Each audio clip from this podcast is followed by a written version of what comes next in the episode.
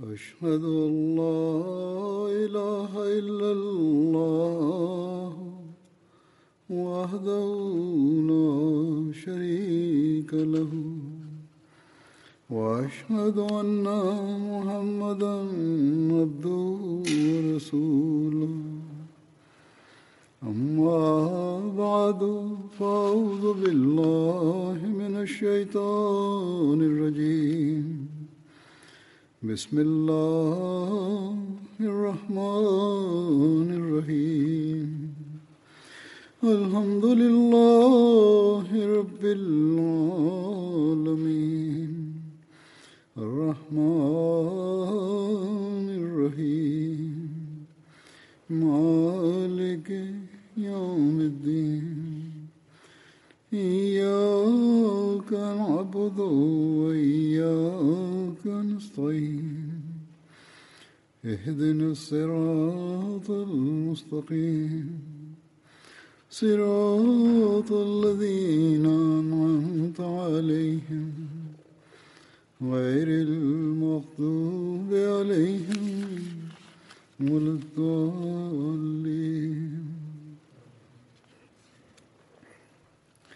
وعد الله الذين آمنوا وعد الله الذين آمنوا منكم وعملوا الصالحات ليستخلفنهم في الأرض كما استخلف الذين من قبلهم ولا يمكنن لهم دينهم الذي ارتضى لهم ولا يبدلنهم من بعد خوفهم أمنا.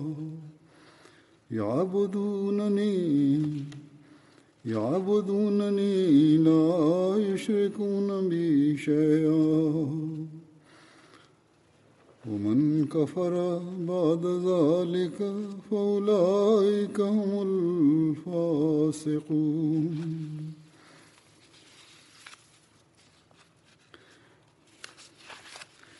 وأقيموا الصلاة وأقيموا الصلاة وآتوا الزكاة وأطيعوا الرسول.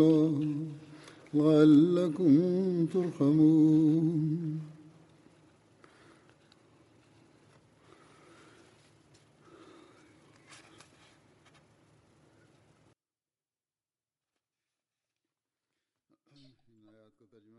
كان يوم الأمس هو السابع والعشرين من أيار مايو. ونذكر هذا اليوم بيوم تأسيس الخلافة.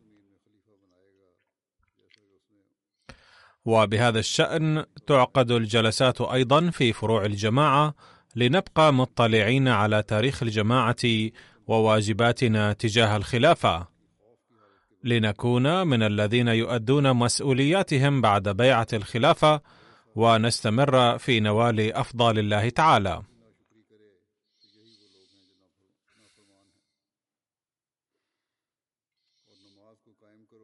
لقد من الله تعالى علينا إذ وفقنا للإيمان بمن بعثه الله فينا في هذا الزمان ليطلعنا على تعليم الإسلام الحقيقي.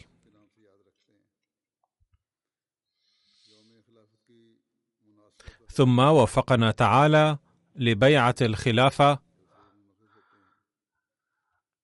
لنضع أمامنا دائما التعليم الذي أخبرنا به المسيح الموعود عليه السلام. ولننشره أيضا في العالم باستمرار. فالارتباط بالخلافة يلقي على عاتق كل أحمدي مسؤولية كبيرة. فإن أديناها فإننا بذلك سنؤدي حق هذه المنة التي من الله بها علينا. لقد وعد الله تعالى في الآيات التي تلوتها بتمكين الدين وتبديل الخوف امنا.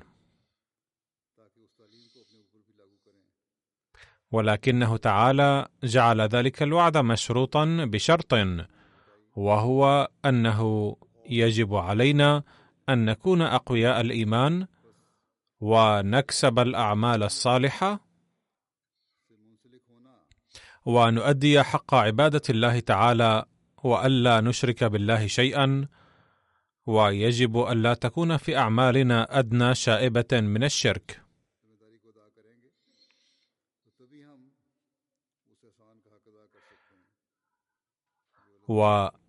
وان الصلاة وعبادة الله ضرورية جدا للقيام بالأعمال المذكورة انفا.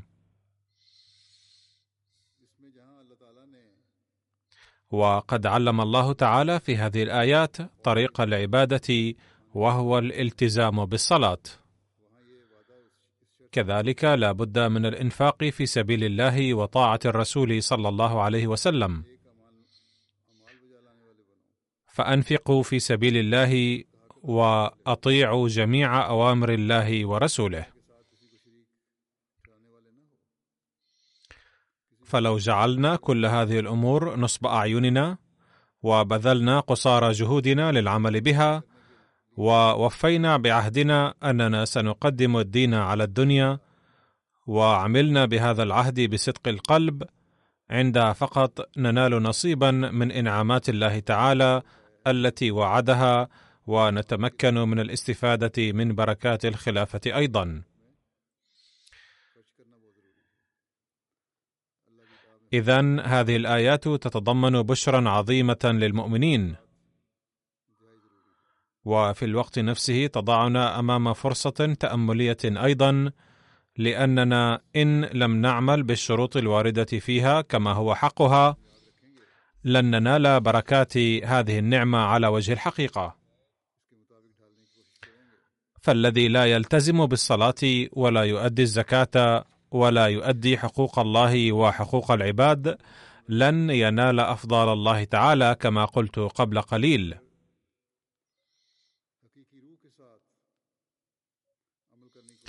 فالاطلاع على التاريخ والاحتفال بيوم الخلافة وحده لا يكفي ما لم نصبح عبادا حقيقيين لله تعالى.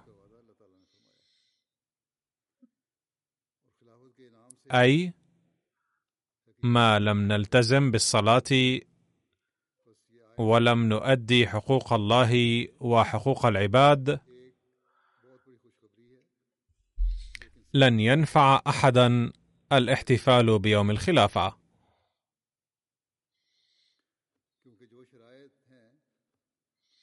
لذا يجب علينا أن نفحص كيفية إيماننا.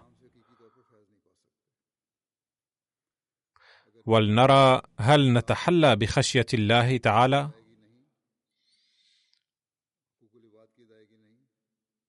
هل نسلك دروب التقوى الدقيقة؟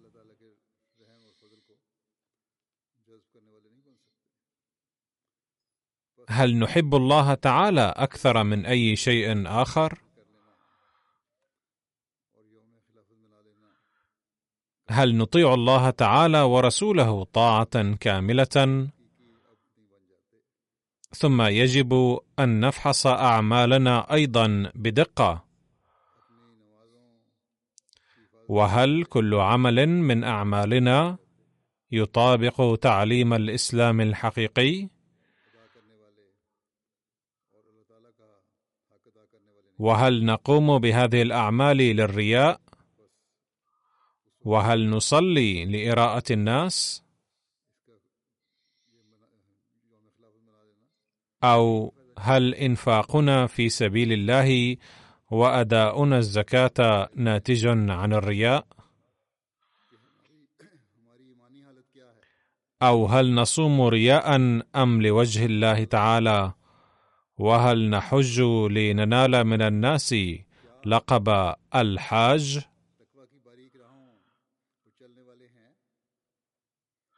لن نعد مطيعين صادقين لله ولرسوله ولن ننال سكينة وطمأنينة قلبية إلا إذا كان كل عمل من أعمالنا لنيل رضا الله تعالى فقط.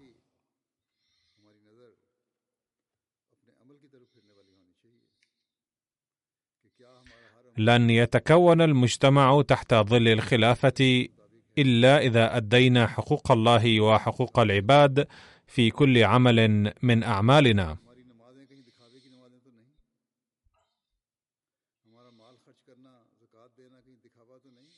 إذن الكلام باللسان فقط لا ينفع شيئا. بل لا بد من جعل أوامر الله تعالى أمام أعيننا دائما.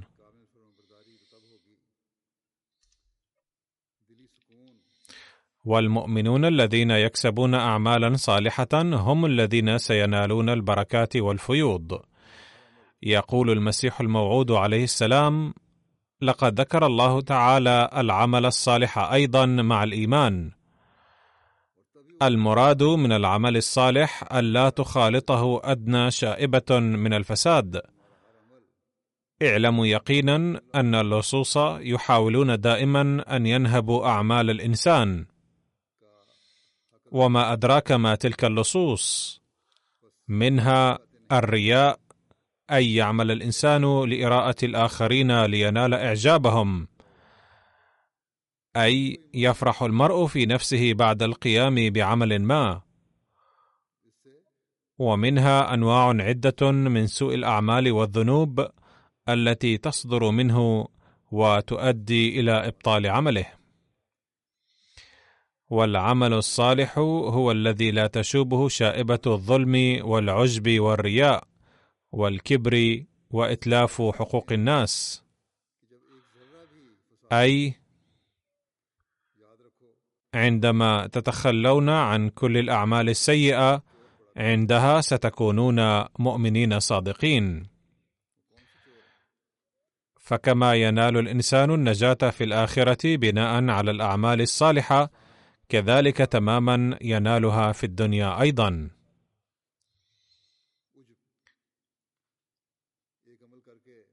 إذا كان في البيت شخص واحد ذو أعمال صالحة ينقذ البيت كله.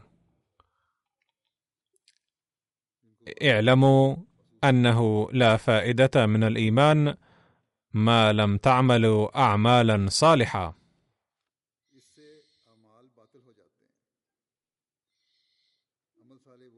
إذن إن كسب الأعمال الصالحة ضروري جدا إلى جانب الإيمان. حيث يقول المسيح الموعود عليه السلام العمل الصالح لا يأتي نتيجة مرضاتنا ورغباتنا بل الأعمال الصالحة هي تلك التي لا تشوبها شائبة الفساد قط لأن الصالح ضد الطالح. كما أن الطعام يكون طيبا حين يكون ناضجا وغير محروق.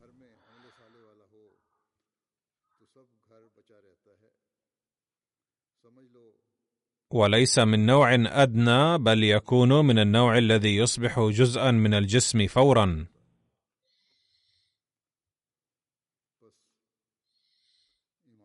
كذلك من الضروري تماما الا يشوب العمل الصالح أي نوع من الفساد أي يكون مطابقا لأمر الله تعالى وسنة النبي صلى الله عليه وسلم.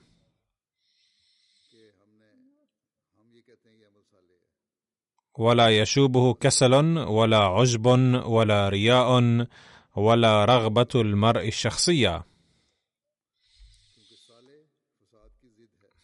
أي لا تقترحوا من عند أنفسكم أن عملكم هذا صالح وهذا غير صالح. ولا تفسروا من عند أنفسكم ولا تظنوا أن هذا هو المراد من قول كذا وكذا.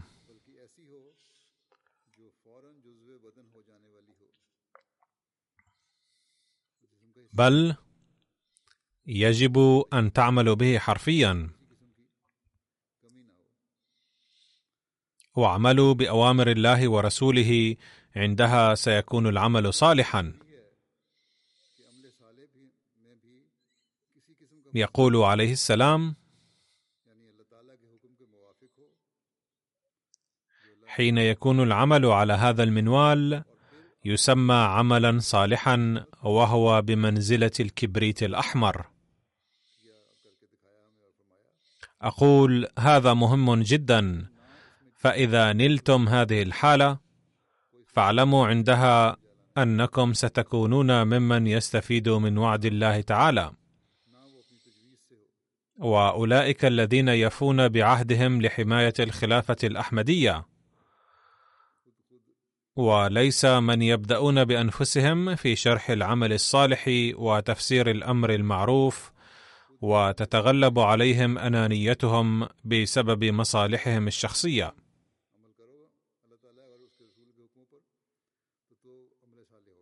لن ينفع هؤلاء انتماؤهم إلى الخلافة مهما كرروا إعلان انتمائهم إليها كلا بل إن الذين يطيعون الخلافة بإخلاص وصدق فأولئك هم الأوفياء بالخلافة حقا. وهم الذين يقومون بحماية الخلافة والخلافة تحفظهم. وأدعية الخليفة تحالفهم. وكروبهم وهمومهم تدفع الخليفة للدعاء لهم. وإن هؤلاء الذين يعملون الصالحات هم الذين يكونون على صلة مع الخلافة والخلافة على صلة بهم ولوجه الله تعالى. فهذه هي الخلافة الحقة التي تكون العلاقة فيها بين الجماعة والخليفة من أجل مرضاة الله تعالى.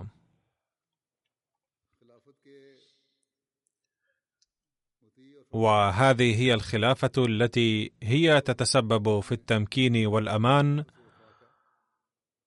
وهذه العلاقة بين أفراد الجماعة والخليفة هي التي تجعل الطرفين ورثة لافضال الله تعالى.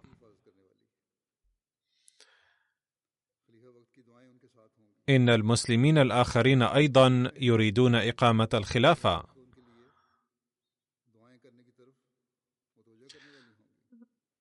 ولكن حيلهم الدنيوية وتدابيرهم المادية هذه لن تنفعهم شيئا. إذ لا تقام الخلافة بهذه الحيل مهما سعوا لذلك. فالآن لن تقوم الخلافة ولن تستمر إلا كما حكم الله تعالى.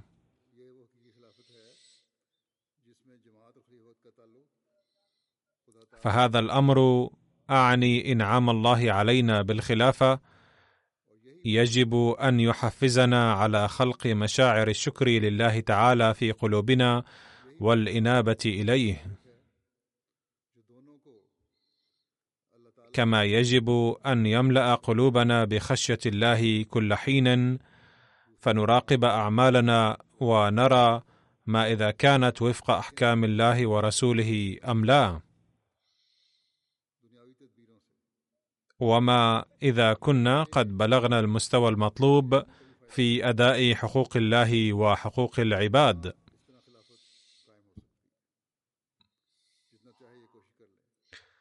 فعلى كل أحمدي أن يقضي كل لحظة من حياته شاكرا لله على إنعامه علينا بنعمة الخلافة. وفاحصا نفسه ليرى ما إذا كانت أعماله موافقة لأحكام الله تعالى أم لا. ولو عشنا بهذا التفكير وأصلحنا أعمالنا بحسبه مع الدعاء لبقاء الخلافة فينا فسوف نظل وارثين للإنعامات الإلهية أيضا بدون انقطاع وبلا منازع. وهذا ما أخبرنا به سيدنا المسيح الموعود عليه السلام بأن الله تعالى قد طمأنه مبشرا بأن نظام الخلافة سيظل مستمرا. وأن البشارات التي بشره الله تعالى بها لا بد أن تتحقق إن وفينا بهذه الشروط. وقد أسهب عليه السلام في أمر الخلافة كثيرا في كتيب الوصية حيث قال إن هذه هي سنة الله ومنذ أن خلق الإنسان في الأرض فما زال يظهر هذه السنة دون انقطاع. حيث ينصر أنبياءه ومرسليه ويكتب لهم الغلبه كما قال تعالى كتب الله لأغلبن أنا ورسلي والمراد من الغلبة هو أن الرسل والأنبياء كما يريدون أن تتم حجة الله على الأرض بحيث لا يقدر أحد على مقاومتها فإن الله تعالى يظهر صدقهم بالآيات القوية. ويزرع على أيديهم بذرة الحق التي يريدون نشرها في الدنيا غير أنه لا يكمله على أيديهم بل يتوفاهم في وقت يصحبه الخوف من الفشل بادي الرأي. فيفسح بذلك المجال للمعارضين ليسخروا ويستهزئوا ويطعنوا ويشنعوا. وحينما يكونون قد أخرجوا كل ما في جعبتهم من سخرية واستهزاء يظهر الله تعالى يدا أخرى من قدرته ويهيئ من الأسباب ما تكتمل به الأهداف التي كانت غير مكتملة لحد ما إلى ذلك الحين. نرى أن وفاة سيدنا المسيح الموعود عليه الصلاة والسلام إذ هزت كيان كل أحمدي فإنها قد جعلت المعارضين أيضا يطبلون ويزمرون فرحين. فهذروا بما يندى له جبين الإنسانية وتكلموا ببذاءة قذرة تذهل المرء فيتساءل كيف يمكن لقوم يدعون الإيمان بالله ورسوله أن يتردوا لهذه الدرجة؟ ولا حاجة بي لذكر بذاءاتهم هذه.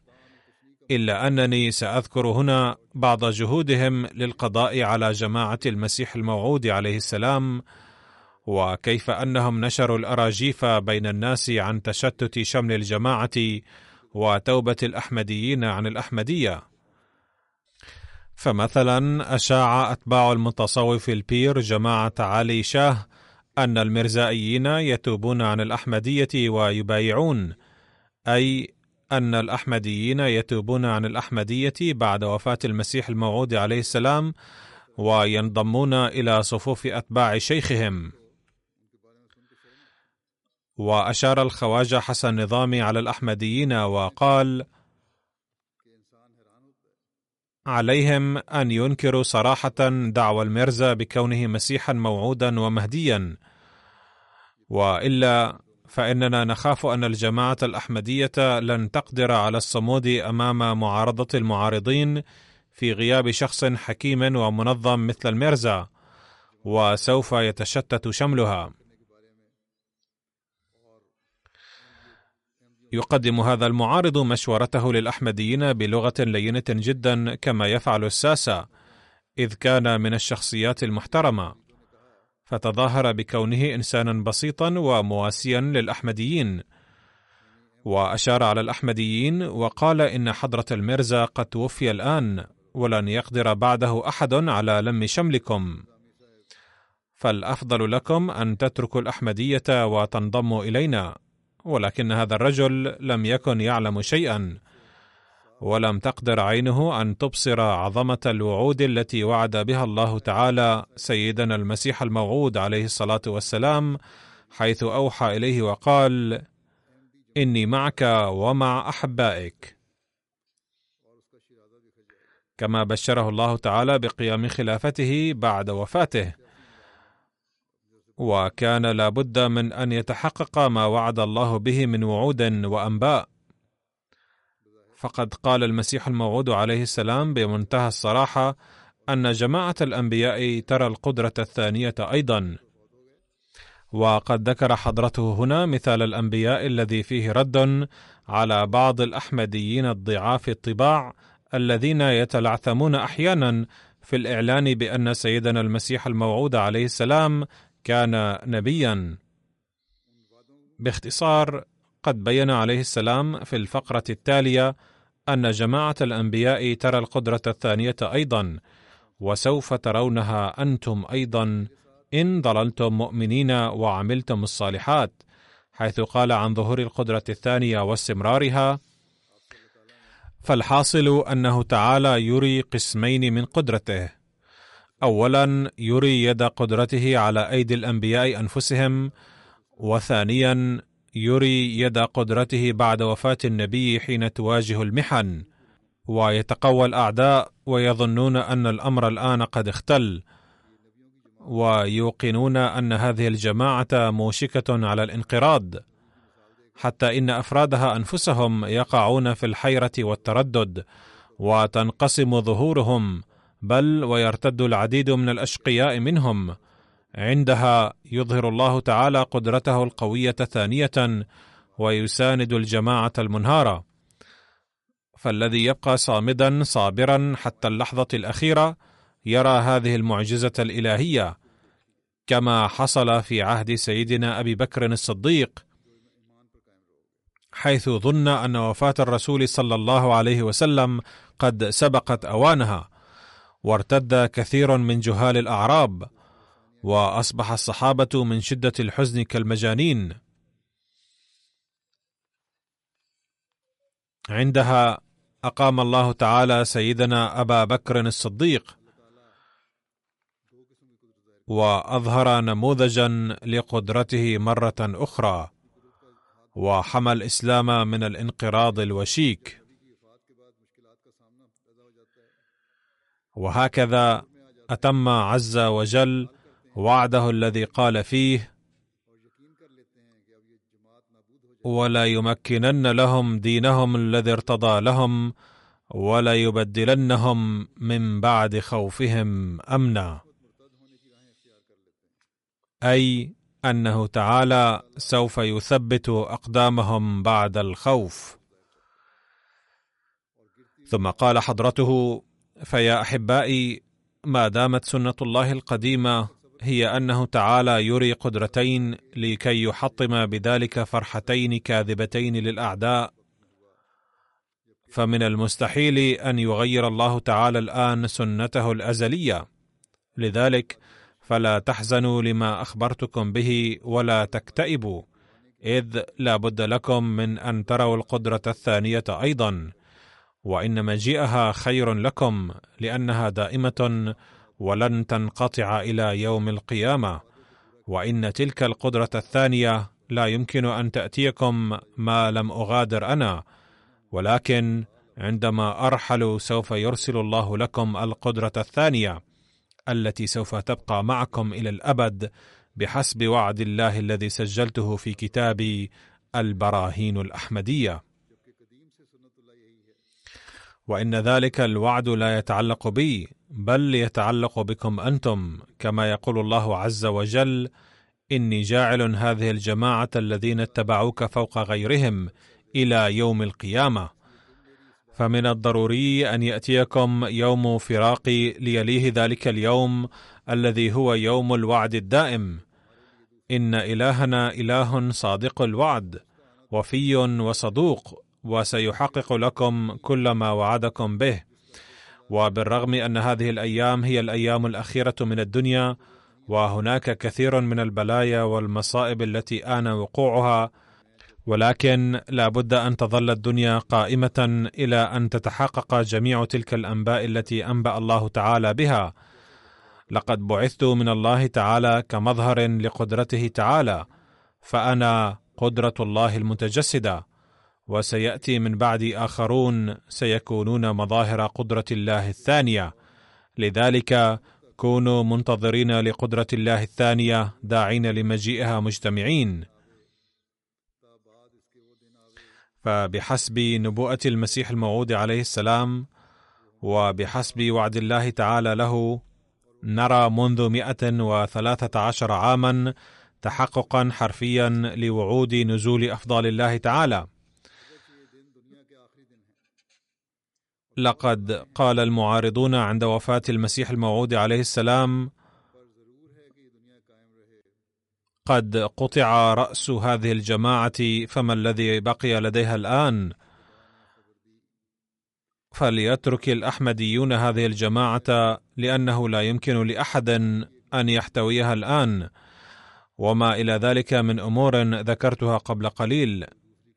كما قال هؤلاء مثل قولهم السابق بعد تولي الخليفة الأول منصب الخلافة فقد كتبت جريدة كريزن جازيت عن الخليفة الأول ماذا بقي في المرزائيين؟ لقد قطع رأسهم ولن يستطيع الرجل الذي أصبح إماما لهم أن يفعل شيئا غير أن يجلس في أحد المساجد ويسمعهم القرآن.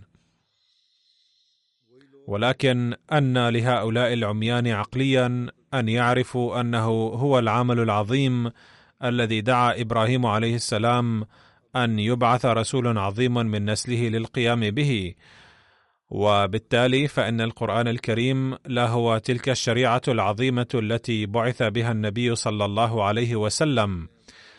وإنه لكتاب كامل ومكمل بحيث يحقق لمن يتعلمه ويعلمه الآخرين الفوز والفلاح في الدنيا والآخرة.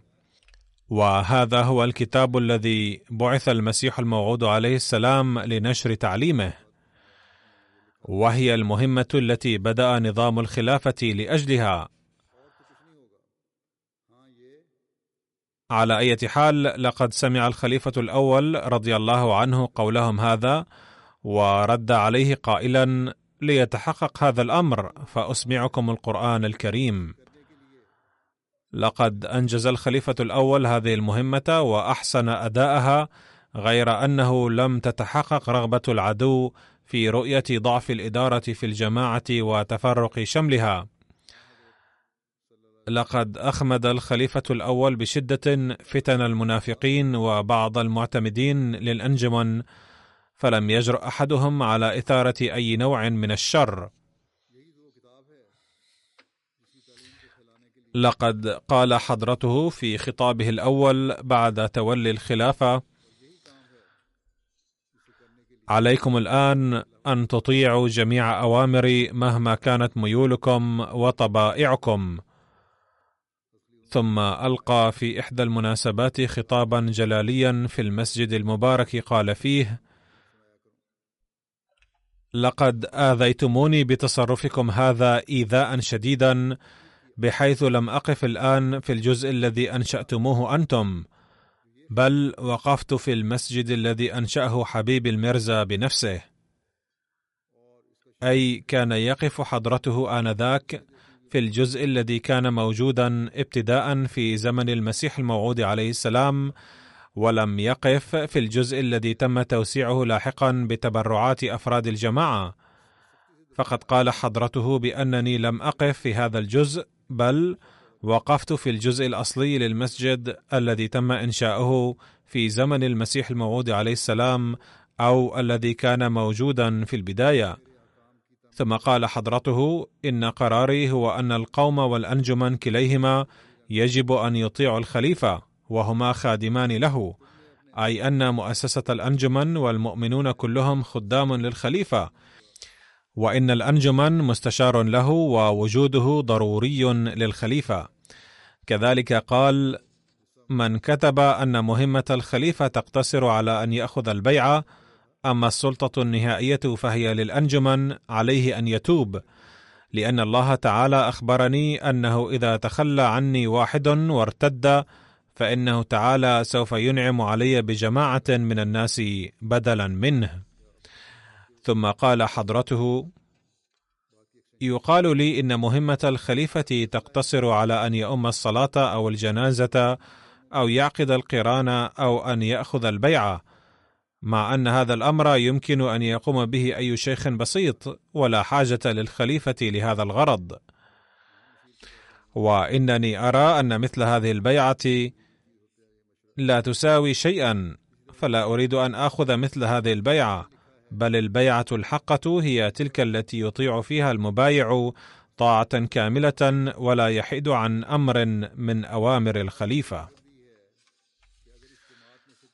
فلقد خيب هذا الخطاب آمال المنافقين وقضى على مكايدهم كما أنه أفحم المعارضين. فمن كان عجوزا ضعيفا في نظر الناس لما تكلم بتأييد الله تعالى فقد أصبح الذين يطلقون التصريحات المتعالية يخفون وجوههم وذهبت ريحهم. ثم بايعه المخلصون بعزيمة متجددة وبعد ذلك رأى العالم كيف سارت الجماعة في دروب الرقي والازدهار. ثم لما توفي الخليفة الأول في مارس عام 1914 حدثت في الجماعة صورة من الزلزلة وأطل برأسه بعض أعضاء مجلس المعتمدين في صدر أنجمن الذين كانوا مصرين على اعتبار الأنجمن خليفة المسيح الموعود عليه السلام وكانوا قد سكتوا مؤقتا بتصدي الخليفة الأول لهم. كما بدأ المنافقون أيضا نشاطهم مرة أخرى ولكن يد نصرة الله وعونه كانت الأساس للحفاظ على منصب الخلافة ودعمه بحسب وعود الله تعالى مع المسيح الموعود عليه السلام. كان زعماء الأنجمن يخافون من أن الجماعة ستنتخب ميرزا بشير الدين محمود أحمد خليفة، لذلك فقد حاولوا كثيرا ألا يكون هناك أي خليفة، وأن يتأجل انتخابه بأية طريقة ممكنة ولو لمدة قصيرة. فقال سيدنا ميرزا بشير الدين محمود أحمد صراحة أن الخليفة لا بد منه لكنني أضيف وأقول معا إني لست تواقا لأن أكون خليفة فاجعلوا من تريدون خليفة وأنا وجميع أفراد عائلتي سنبايعه بصدق القلب. لكن هؤلاء الذين كانوا يعدون أنفسهم أعقل الناس وكانوا يخشون أن القرار سوف يصدر بحقه لذا لم يقبل هذا الاقتراح أولئك الذين كانوا يريدون السلطة فقط. فحين قال لهم سيدنا الخليفة الثاني حضرة ميرزا بشير الدين محمود أحمد رضي الله عنه إنه مستعد لمبايعة من يعينه ايا كان فوجود الخليفة محتم لم يوافقوا معه. باختصار اجتمعت جماعة المؤمنين في مسجد نور بحسب وصية سيدنا المسيح الموعود عليه السلام. وكان عددهم يقدر بأكثر من ألفي نسمة وانتخبوا كلهم تقريبا حضرة ميرزا بشير الدين محمود أحمد رضي الله عنه خليفة لهم. وكان الناس يتقافزون من على رؤوس الحضور للوصول إلى بيعته. وشهود العيان كتبوا أن المشهد كان يوحي كأن الملائكة تسوق الناس لمبايعة هذا المنتخب. وأخيرا حين لاحظ ذلك كبار معتمدي الأنجمن الذين كانوا بضعة نفر أخذوا خزينة الأنجمن كلها واختفوا من هناك. لكن العالم رأى كيف أن الله تعالى مكن للجماعة دينها بواسطة الخلافة الأحمدية. وإن عهد سيدنا المصلح الموعود الخليفة الثاني للمسيح الموعود عليه السلام الممتد على 52 سنة يشهد على أن الجماعة بدأت تقطع أشواط التقدم والازدهار بسرعة فائقة بقيادة الشاب الذي قلده الله تعالى منصب الخلافة. أما الذين كانوا أخلوا خزينة الأنجمن وغادروا وادعوا أن المسيحيين الآن سيحكمون قاديان يلاحظ أجيالهم أن الله تعالى يرينا بتأييداته مشاهد اجتماع المسيحيين تحت راية المسيح المحمدي، فنحن نشاهد ذلك بأم أعيننا، فقد فتح سيدنا المصلح الموعود مراكز الجماعة في كثير من بلاد العالم. والمبشرون المسيحيون لم يكونوا يقدرون على مواجهة الدعاة الأحمديين. وأخيرا لم يجدوا بدا من الاعتراف بأن الأحمدية عقبة كبيرة في انتشار المسيحية. وهذا مذكور في تقاريرهم. باختصار إننا نرى ذلك الخليفة من أولي العزم. قد حفظ سفينة الجماعة في كل الأوضاع سواء أكانت مكايد للهجوم على قاديان أو كان ميدان الدعوة أو كانت الهجرة. وأوصلها بتأييد الله تعالى ونصره إلى الساحل بنجاح. وأخيرا حين توفي في نوفمبر عام 1965 بحسب القدر الإلهي أقام الله تعالى بحسب وعده المظهر الثالث للقدرة الثانية. وبدل خوف الجماعة أمنا من جديد وجمعها على يد سيدنا ميرزا ناصر أحمد الخليفة الثالث للمسيح الموعود عليه السلام.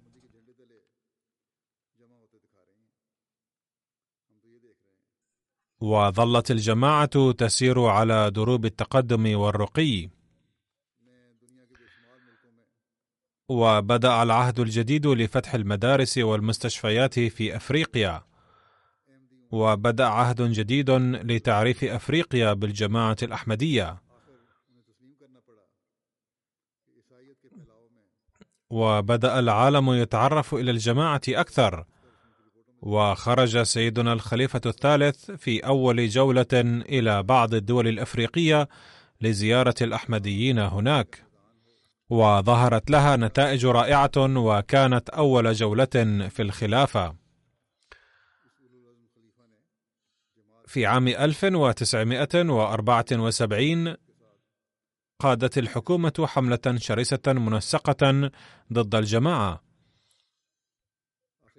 وسنت القانون بأن الأحمديين ليسوا مسلمين. لكن الجماعة خرجت منها بنجاح وسلام لكونها وراء جنة الخلافة. وفشلت جهود العدو لمنع الجماعة من التقدم. والعدو الذي كان يزعم أنه سيسلم بأيدي الجماعة كأس التسول خابت آماله.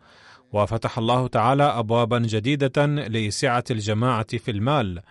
وأبناء الجماعة الذين بذلت الجهود لجعلهم مفلسين اقتصاديا قد أغناهم الله تعالى وبارك في أرزاقهم. ثم فتح لهم الطرق للخروج إلى بلاد العالم. فالأحمديون الذين جاءوا إلى ألمانيا وغيرها من البلاد بعد عام 1974 واغتنوا هناك يجب أن يحدثوا أجيالهم عن هذه الأمور. وكيف حاول العدو العمل ضد الجماعة؟ وكيف فتح الله تعالى لهم سبلا جديدة في كنف الخلافة؟ وحسن وضعهم الاقتصادي آلاف الأضعاف. ثم حين رحل عنا سيدنا الخليفة الثالث أيضا في يونيو عام 1982 بدل الله تعالى من جديد خوف الجماعة أمنا بحسب وعده بواسطة سيدنا ميرزا طاهر أحمد الخليفة الرابع للمسيح الموعود عليه السلام.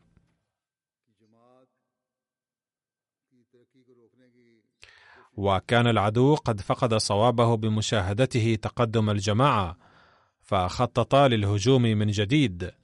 وحاول أن يجعل الجماعة كعضو مبتور أو مفلوج وحاول بحسب زعمه قطع رأس الجماعة. لكن ما أدرى أولئك الجهل وعميان القلوب ما الذي خططه الله تعالى؟ فقد مكن سيدنا الخليفة الرابع من الهجرة من باكستان بنجاح ونصر غير عاديين. وبقي العدو يتحسر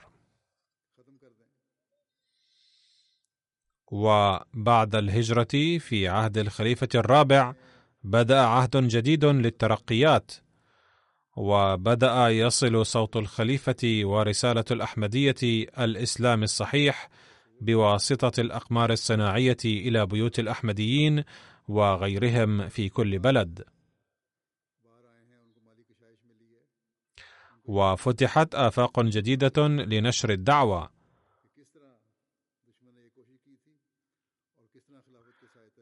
حيث غرست غراس الأحمدية في كثير من البلاد وانتشر تعليم الإسلام الصحيح.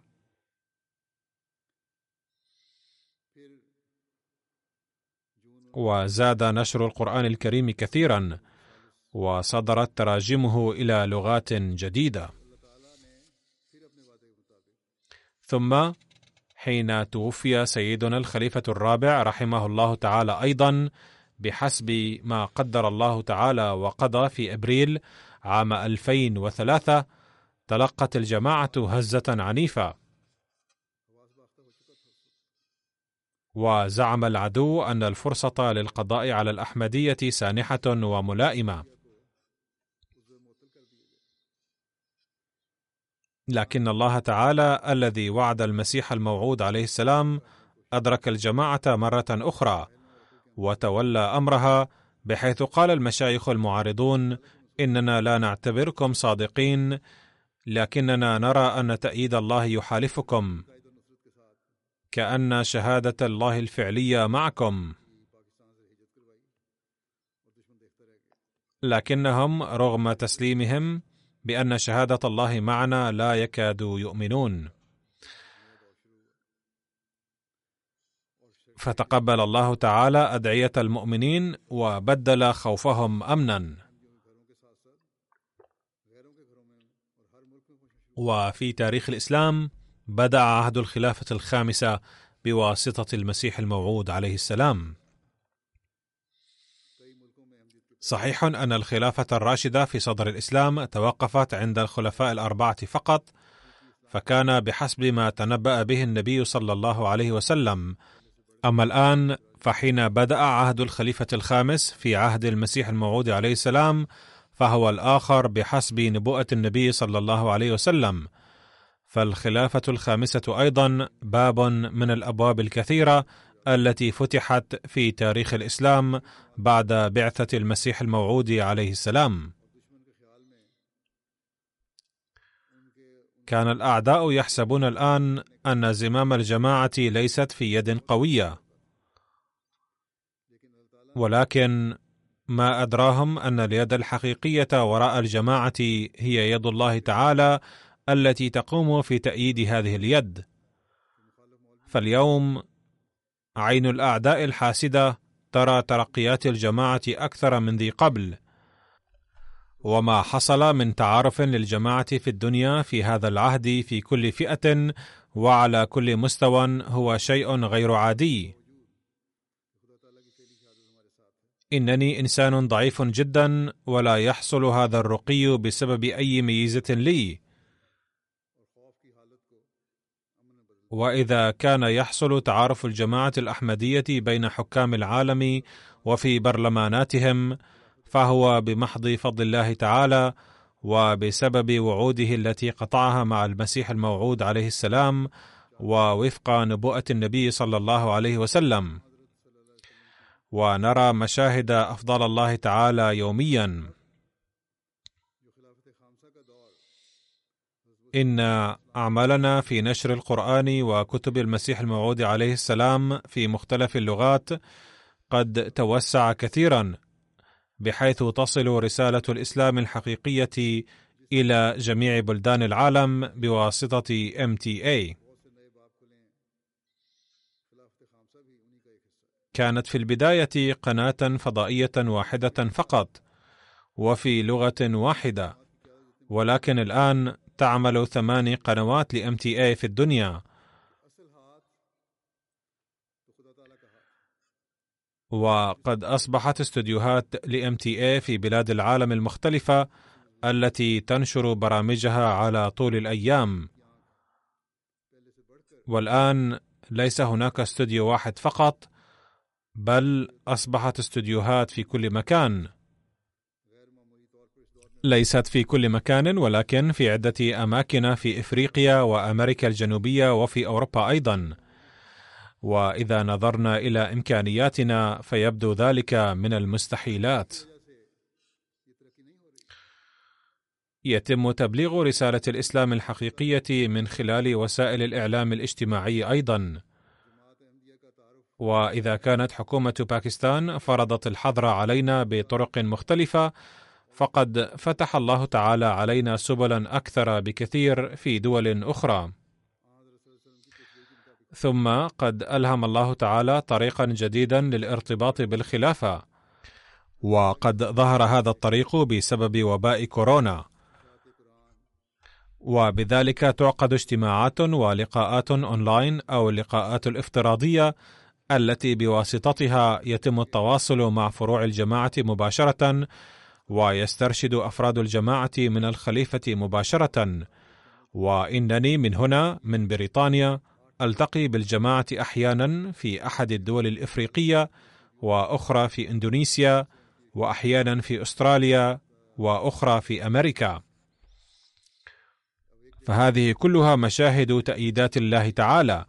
وينبغي ألا ننسى أن الله قد أنزل علينا هذه الأفضال وأنعم علينا بنعمة الخلافة فيجب علينا أن نؤدي حقها دوما لكي نظل نستفيد من هذه النعمة إلى يوم القيامة وفق نبوءة الرسول صلى الله عليه وسلم.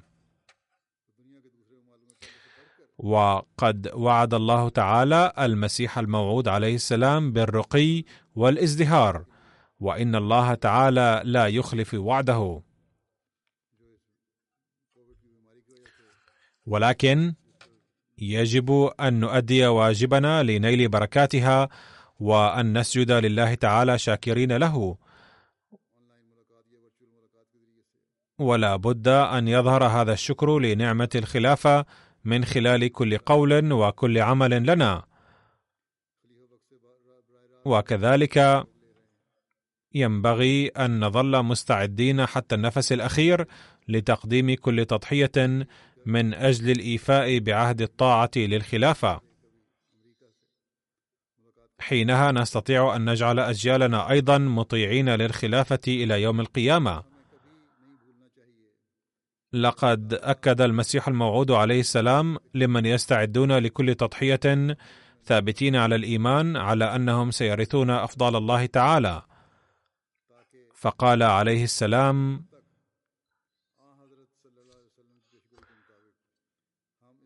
لا تظنوا أن الله تعالى سوف يضيعكم. أنتم بذرة بذرها الله تعالى في الأرض بيده. يقول الله تعالى إن هذه البذرة سوف تنمو وتزدهر وتتفرع في كل طرف ولسوف تصبح دوحة عظيمة. فطوبى لمن يؤمن بقول الله تعالى ولا يخاف الابتلاءات العارضة. لأنه لا بد من الابتلاءات أيضا لكي يختبركم الله من منكم صادق في ادعائه للبيعة ومن هو كاذب. والذي يزل بسبب الابتلاء لن يضر الله شيئا والشقاوة سوف توصله إلى الجحيم. ولو لم يولد لكان خيرا له. ولكن الذين يصبرون إلى نهاية المطاف في حين تأتي عليهم زلازل المصائب وتهب عليهم عواصف الابتلاءات وتسخر منهم الأقوام وتستهزئ وتعاملهم الدنيا بمنتهى الكراهية فأولئك الذين سوف يفوزون في آخر الأمر وتفتح عليهم أبواب البركات على مصراعيها. لقد قال الله تعالى مخاطبا إياي أن أخبر جماعتي بأن الذين يؤمنون ايمانا لا تشوبه شائبة من الدنيا وليس ذلك الإيمان ملوثا بالنفاق أو الجبن وليس خاليا من الطاعة فأولئك هم المرضيون عند الله تعالى. ويقول الله تعالى إنهم هم الذين قدمهم قدم صدق. ثم قال عليه السلام يخبرني كلام الله أن الحوادث واقعة والآفات نازلة على الأرض. فمنها ما يقع أثناء حياتي ومنها ما يقع من بعدي. وإنه تعالى سوف يرزق هذه الجماعة كل تقدم وازدهار بعضه على يدي وبعضه الآخر من بعدي.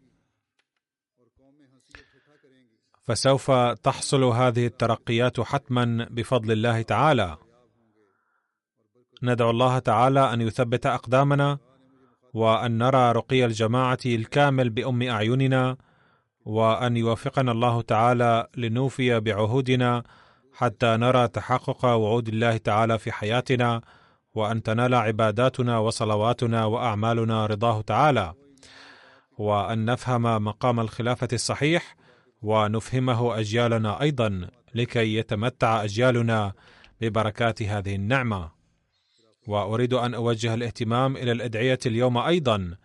فاذكروا أحمدي باكستان أيضا في أدعيتكم وجميع الأحمديين المظلومين حيثما كانوا وجميع المسلمين المظلومين حيثما كانوا. سواء كانوا في فلسطين أم في أي مكان آخر. اذكروهم جميعا في أدعيتكم. رفع الله تعالى عن الجميع مشاكلهم وفرج عنهم ووفق الأحمديين ليعملوا بتعاليم المسيح الموعود عليه السلام بوجه حقيقي ويصبحوا أحمديين حقيقيين. كما وفق المسلمين الذين لم يعرفوا المسيح الموعود عليه السلام ليعرفوه ويبايعوه. وأن نرى عاجلا راية الإسلام وراية محمد رسول الله صلى الله عليه وسلم ترفرف في العالم أجمع ونرى قيام وحدانية الله تعالى في العالم كله. آمين.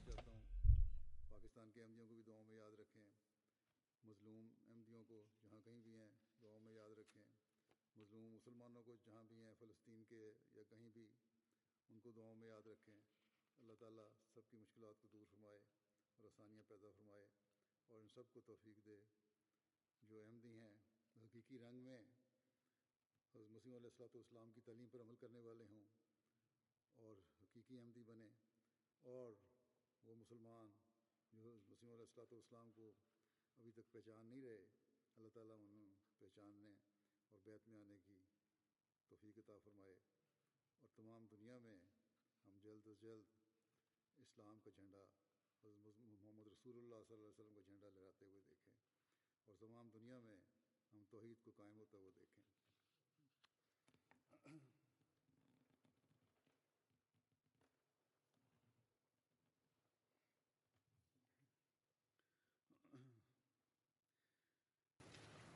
الحمد للہ الحمد لله نحمده ونستعينه ونستغفره ونؤمن به ونتوكل عليه.